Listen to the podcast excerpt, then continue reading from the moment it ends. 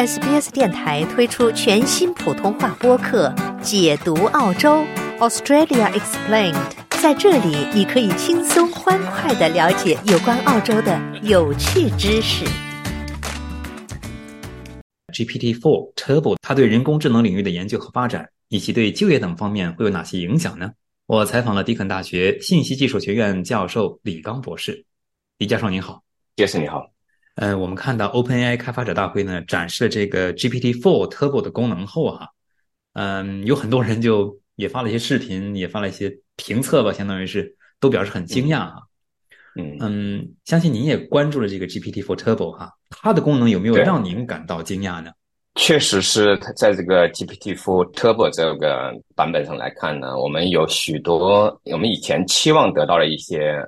性能提升，它这次都给就是发布出来了。假设从普通用户的角度来看呢，我比较感觉有一点惊喜的是那个下面两三个。第一个就是它对多模态的支持。这个多模态呢，指的是我们的这个网络上生成的数据呢，它不仅仅只是文本数据，而且还可以是图像数据，甚至还可以是音频和视频。那么在这个版本里头呢，它就达到了这个多模态这个数据的这个支持。那么这样就使得它在产生这个信息的时候，它不但是原先的那种可以是文生文，就你问一个问题，它给你给出很多的这个文本的解释或者是描述，它还可以做文生图。或者是图生文，甚至还可以是通过这个文本描述了，它可以给你产生这个音频和视频。这一个特性呢，在许多的应用中间呢，具有非常重要的意义。嗯，比方说我们可以想得到的一件事情，就是说以前很多的这个网络平台的这个产品，比方说 Podcast 也好，或者是中文平台上也有很多的这个视频和音频产品，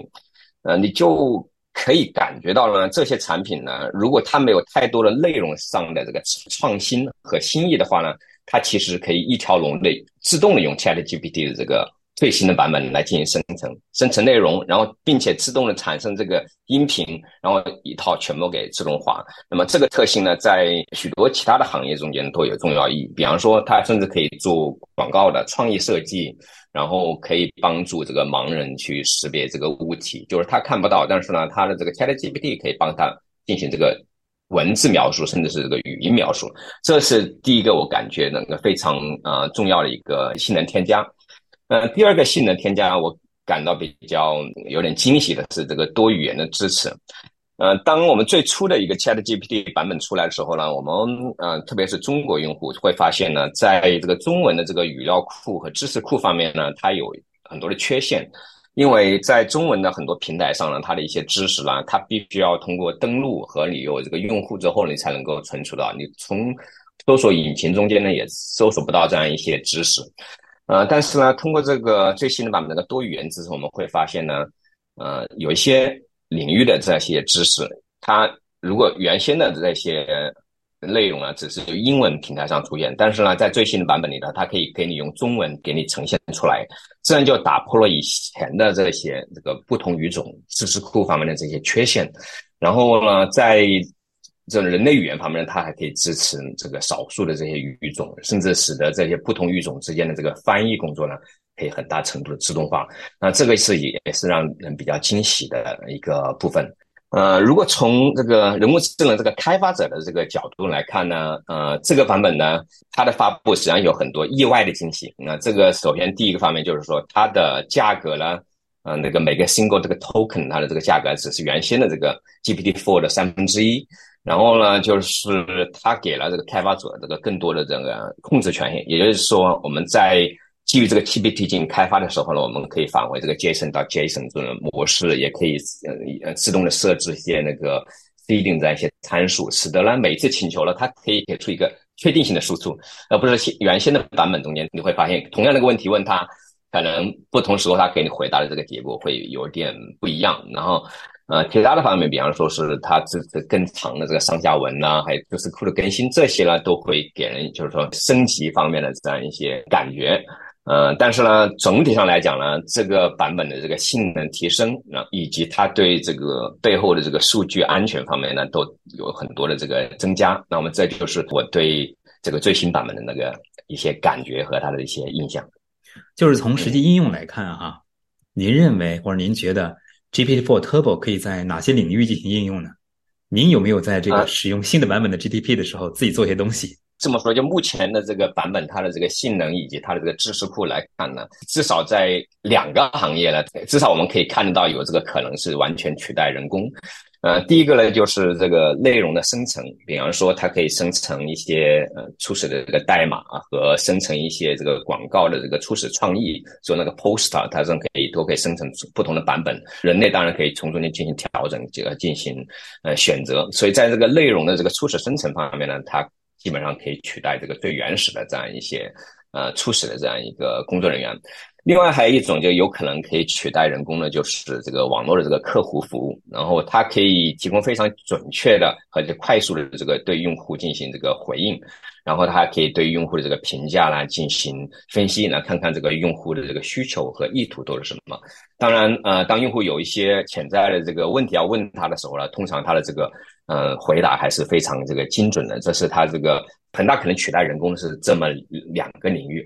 潜在的呢，我们现在看到有希望呢，就是说，在这个教育行业，嗯，这个人工智能工具呢，它可以作为一个智能辅导工具，然后帮助学生呢解决一些这个呃疑难问题，比方说答疑，啊，这种答疑呢，不比以前的这种这个很多的人工智能系统这个答疑，以前的很多系统答疑的，它可能就是直接给你。啊，一个答案，甚至给你一个很统一模板的这样一些，比方说那个 guideline，告诉你大概是从这一个角度出发。但是呢，在这里的 ChatGPT4 Turbo 这个基础之上呢，实际上是可以做很多这个定制工作，就是说根据这个不同的学生的情况。然后给大家提供更合适的，就我们叫 personalize 这个定制化的这样一个反馈，很像一个就是跟老师一起合作的这样一个助教，然后能够帮助这个学生来呃进行这个提高他的这个学习质量。所以这是一种就是说很有可能会有很多潜在应用和产品的地方。另外还有一种就是很有可能嗯成为一个助理的地方啊，但是不大可能取代人工的，就是一个健康和医疗方面。嗯，我们知道了很多这个医生，那他的这个经验起了很大的作用，但是呢，在 ChatGPT Turbo 以及这个最新的这个知识库的支持之下，实际上呢。这个人工智能系统，它可能会有很多的这样一个类似的这个案例，或者说是我们叫做病例，然后它可以从呃它的这个相关的这个案例中间呢，它可以挑出一些呃合适的方式给这个医生提供很多这个辅助诊断，或者说辅助这个治疗方案的这个制定，然后这样可以对这些医生呢，嗯，特别是这个在资源贫乏的地区呢，他可以给这些医生呢提供比较好的这样一个呃咨询和支持。呃，我们可能在澳大利亚也可能也会碰到有一些这个 GP，特别是你就跟他去 consultation 的时候，他可能也会去偷偷过一下。但是呢，有了这种这个 ChatGPT 这个最新版本的话，它可能会提供更加准确的这样一种这个参考意见。这个就是我感觉呢，就是说在经验方面呢，它可以弥补很多人类的这样一个不足，以及在一些最初始的这个跟 labor 工作比较多的这个方面，那个就是说。呃，体力活比较多的，但是又又不属于那个纯那种体力活，又在动脑筋的这个活内容生成方面呢，它实际上是可以取代人工的。这是我对目前看起来就是它可以看到有这方面的这个应用。很多人说呢，这个 GPT Four 呃 Turbo 出来之后呢，这个回答这个准确率很高哈。我也问他，比方说哪些行业或者职业会受到它的这个人工智能以及 GPT 的影响啊？哪些行业可能受影响不大？他也给了一些回答哈，就说在您看来。就是就业跟这个行业受影响的情况呢？GPT 的回答是不是就是趋势，甚至就是事实呢？首先就是说，对于这个科技来讲呢，就是说这个技术的这个发展，它有很多这个不确定性。呃，目前看来，我们可能感觉这个趋势会是这样，但是也许过几年它的这个发展，或者说一些这个法律条文的这个就是实施，有可能使得呢，就是说有一些领域。它并不一定可以取得合适的数据，或者说它不一定真正的能够取代人工。但是整体上来讲呢，就是我们可以感觉到呢，就是这样一个人工智能工具的这个出现呢，我们呃要琢磨的一个问题就是说，我们人类怎么样去跟这个人工智能协同工作，而不是说我们想把这个人工智能赶走，或者说人工智能想把我们赶走。呃，可以类比于这个一百年前，当我们汽车在这个人类这个生活中出现的时候，首先我们到了一定阶段就会承认啊，我们人是跑不过汽车的，人扛的东西也不会有汽车扛得多、扛得重。但是呢，并不意味着就是说。我们人在他这个这个有了汽车时候，我们的人就没有什么用了。实际上你会发现呢，在汽车行业有有个这有司机，然后有各种各样相关的这些行业，其实都会出现。人工智能也是一样，就是说人工智能的引入呢，更多的是跟人协同工作，它并不是说是要完全取代人类，然后它是应该是使得这种合作呢更能够。有效率的，然后去完成原先需要的工作，甚至是产生一些新的创新，然后提高它的这个服务质量。总体上来看呢，就是目前，嗯，就是有些工作，如果是呃涉及到一些重复性的或者是标准化流程的这些行业，嗯，比方说客服支持啊，或者说是基本的这个很简单的这个数据分析。啊，这些方面呢，它很有可能就会被人工智能所取代。但是呢，呃，另一方面就是说，如果有一些行业它需要这个高度的这个创新力，嗯，然后呢，需要这个情感交流，比方说心理咨询、心理健康，然后是嗯教育，或者说是需要很多的创意啊，或者是想象力，比方说科学研究，啊，甚至包括在一些特定场景底下的这个判断力和决策能力呢。这个人类的这个能力和专业知识呢，应该是啊，目前来看是不可取代的。它可以采用这个 ChatGPT 给它提供合适的这个这个决策支持，但是最终的这个判断和决策呢，就是说还是由这个人工来嗯进行处理。啊，大多数我们很有可能受到这个 ChatGPT 或者说是现在我们叫做通用人工智能它的这个影响的这个行业呢，基本上还是在这个信息处理这个行业里头。呃，传统的一些行业，比方说制造业也好，或者农业、矿业，或者是跟人本身，比方说跟那个 labor work 或者体力劳动更加相关的，或者是跟情感更加相关的这些领域方面呢，它影响的这个可能性呢更小一点。当然，它其实提供了更好的这样一种服务，使得这些呃不同行业都能够我们叫做 customize 这个用户，给他提供最需要的这个服务，用最合适的方式啊。这就是我对他这个不同行业这个前景的一些看法。刚才你也提到这个 GPT 类的人工智能对教育领域的这个帮助，或者是辅助，或者这个影响吧。就说非常重视小孩子教育的澳大利亚民众来说，哈，您觉得哈，如果是让孩子们早点接触人工智能的话，好吗？可以这么说，就是首先呢，就是这一代的小朋友，就是现在就十多年，要近十多年出生的这个小朋友了，他们出生的时候到现在，基本上有很多的人工智能工具都已经。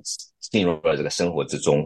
嗯，比方说很小的时候，小朋友可能就会有这个智能对话玩具，或者这个 Alexa，这呃，或者说是像中国的有那个小米，啊，像这种智能机器人，还有那个扫地机器人，都已经进入了这个家庭许多年。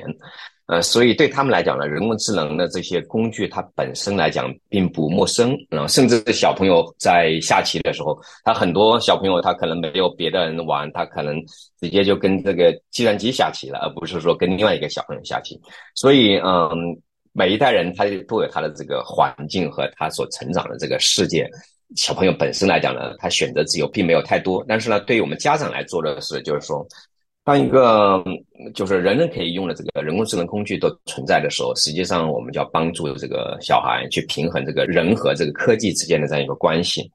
比方说，面对这个 Chat GPT 来讲呢，小朋友通常会有两种感觉啊。第一种就感觉，哎呀，好像自己不需要学习了。嗯，比方说作业呀，特别是语文作业呀，你给一个题目给他，ChatGPT 呼呼呼就自动给你生成出来，然后好像效果也还不错，这样就好像感觉也不用学了，也不知道自己该干什么。那么这是一种小朋友啊，另外一种小朋友呢，其实可能就会他会思考，哎，像这种方面的智能，比方说呃这个简单的计算也好，或者说是做一个比较简单的这样一种呃文本这个生成也好，写作也好呢。都可以用计算机自动实现。那么对于他来讲呢，他到底需要学些什么？需要自己嗯来发展自己哪一方面的能力？可能他需要去思考。呃，所以对于家长来讲，嗯，我们可能要做的一件事情就是说，呃，我们需要琢磨的就是怎么样去给小朋友进行合适的指导，以及怎么去给他进行。他的这个未来的这样一些引导，或者说我们很难去引导他们，但是可能会，呃，启发他们去自己去思考一下，就是说他们怎么去开发他们自己的能力。也许我们都呃记得在二三十年前或者再早一点之前，那个家长通常会对自己小孩可以心算很快，也可以知道很多百科知识呢，他很感到很骄傲。呃，但是呢，现在你再回头来看，可可能会觉得这个真正的计算能力可能并不是太重要。然后你记得很多的这个百科，可能也并不一定太重要。可能更重要的可能就是发展小孩子的，比方说逻辑能力，然后判断能力，以及他的就是说对自己还能够去做什么，呃的这样一些这个哲学问题，然后去培养他的创造力了，可能更重要一点点。嗯，我自己也是家长啊，就我自己对于这个小朋友的这个使用这个 Chat GPT，通常我其实是嗯会引导他去看一看，就是说怎么去利用它，然后做一个基础，然后在它的基础上呢，怎么去进行提高。比方说，小朋友在学这个编程的时候。嗯，有很难的问题，然后自己做不出来，然后看看 ChatGPT 给出一些什么样的一些引导，然后基于那个之后，自己在上面接着再做。用这种方式呢，我们希望呢是有可能去培养这个小朋友的这个创造力和解决问题的能力，而且呢，他可以知道就是如何合理的，并且就是说比较呃有效的去利用这样一些工具。这样的话呢，就使得在他成长之后呢。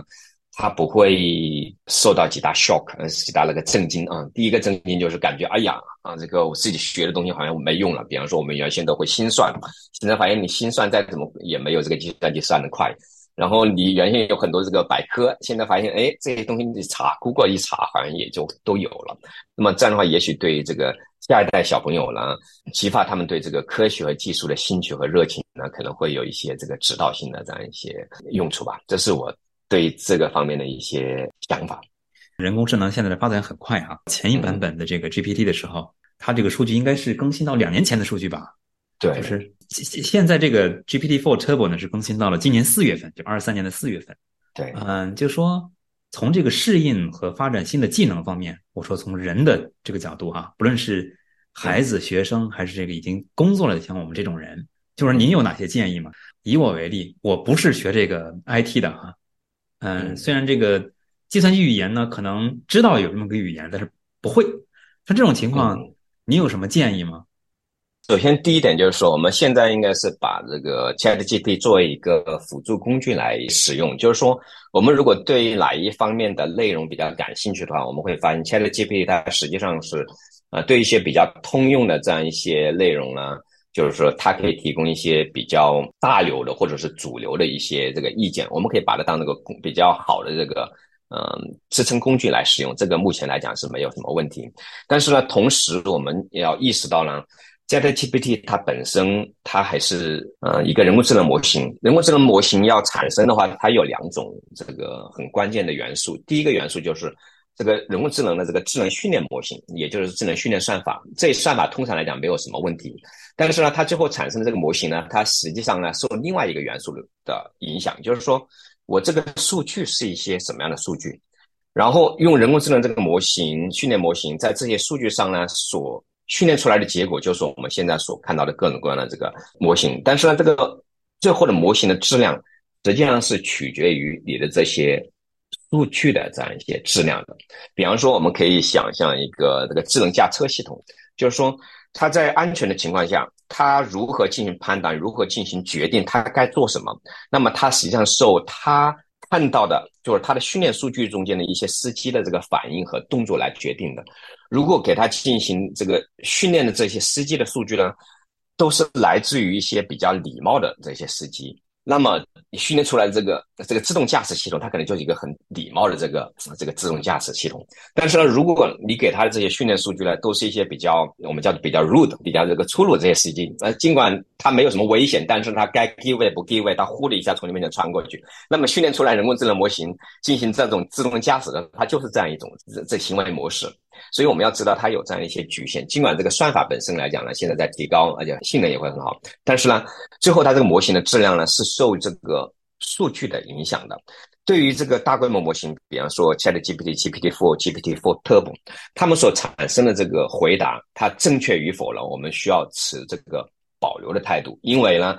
很多的领域里的这个知识，就是说网上，因为它的这个公开的这个数据呢，不一定它是一定是正确的，因为它是大流的这样一些数据，但是越专业的话，它不一定是呃正确度能够得到保证，啊，这是我们需要持保留态度的一一点。然后另外一点呢，就是说对于现在的这个大规模的这个语言模型来讲，它有一点点很实际的问题，就是说，它进行这个自动回答的话，效果不错，但是进行一些决策啦，它实际上呢，它是很欠缺。比方说，它的决策，我这个问题是不是回答完了？你给我一个反应的时候，我是不是决定跟你说拜拜了，或者说跟你转换一个话题？那么这个时候他做不到，就好比说中科大的有几个论坛里，它有这样一个事情出现，就是说有人把这个聊天机器人呢，把它连在一起，一个就是 Chat GPT，一个说是百度文心，还有就是那个讯飞的那个星火，把它连在一起。那么大家就是呃看到了这三个聊天机器人的每一分钟十几十条的速度，哗哗哗的这个互相你好我好，然后你怎么样我怎么样，然后就是说我们会怎么去就是发展这个商业，怎么等等等等。每分钟几十条，就是不断的在进行，我们把它叫做商业互吹，然后它都停不下来。那么这种情况实际上就反映了这个语言模型的一个问题，就是目前的一些行为上的决策，比方说是不是该终止这个对话，是不是该转换话题，它目前还做不到。因为如果对方给你回应还是这一个，他就给你同样的方式给你。回应，嗯，就稍微有点改变，但是同样的方式给你，给你好我好你好，那个上午好下午好，在不断的给你用不同的方式给他说出来。那么这就是目前这个 Chat GPT 模型呢，我们看得到的它的一些缺陷。当然，我们作为用户来讲呢，现在呃这个 Chat GPT 模型呢，对大多数的这个普通的这个用户，比方做一些这个翻译也好，做这个基本的这个内容生成也好，它都已经就是说已经很实用了。嗯，您刚才提到的是这个 GPT 功能和内容上的一些缺点啊。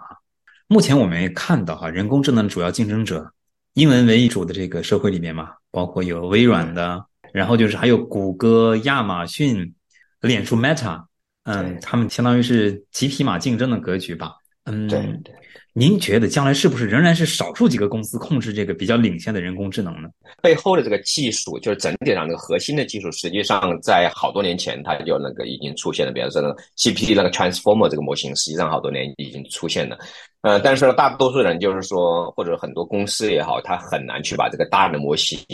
在很大量的数据上训练出来。呃，所以我感觉真正在这个方面要做到好的话呢。呃，它的来源的背景呢，肯定是比较大的这一些公司，或者说比较大的这个平台，或者是政府组织也好，嗯，因为它有很多的这个计算资源，然后还有很多这个数据资源，它才会有可能做的比较好。嗯，其他的小公司呢，它有可能做一些定制化的，基于他们做一些定制化的产品，但是呢，其他的就是很难遵循一些核心的改变，因为它的计算量，呃，在哪里？那个计算量超级超级大，不是一般的公司可以支付得了的。现在这个人工智能视频软件把你这个人一改，就是对对，你的语音视频给了他之后，他跟你说出来，跟你真人聊天一样，根本很难区分。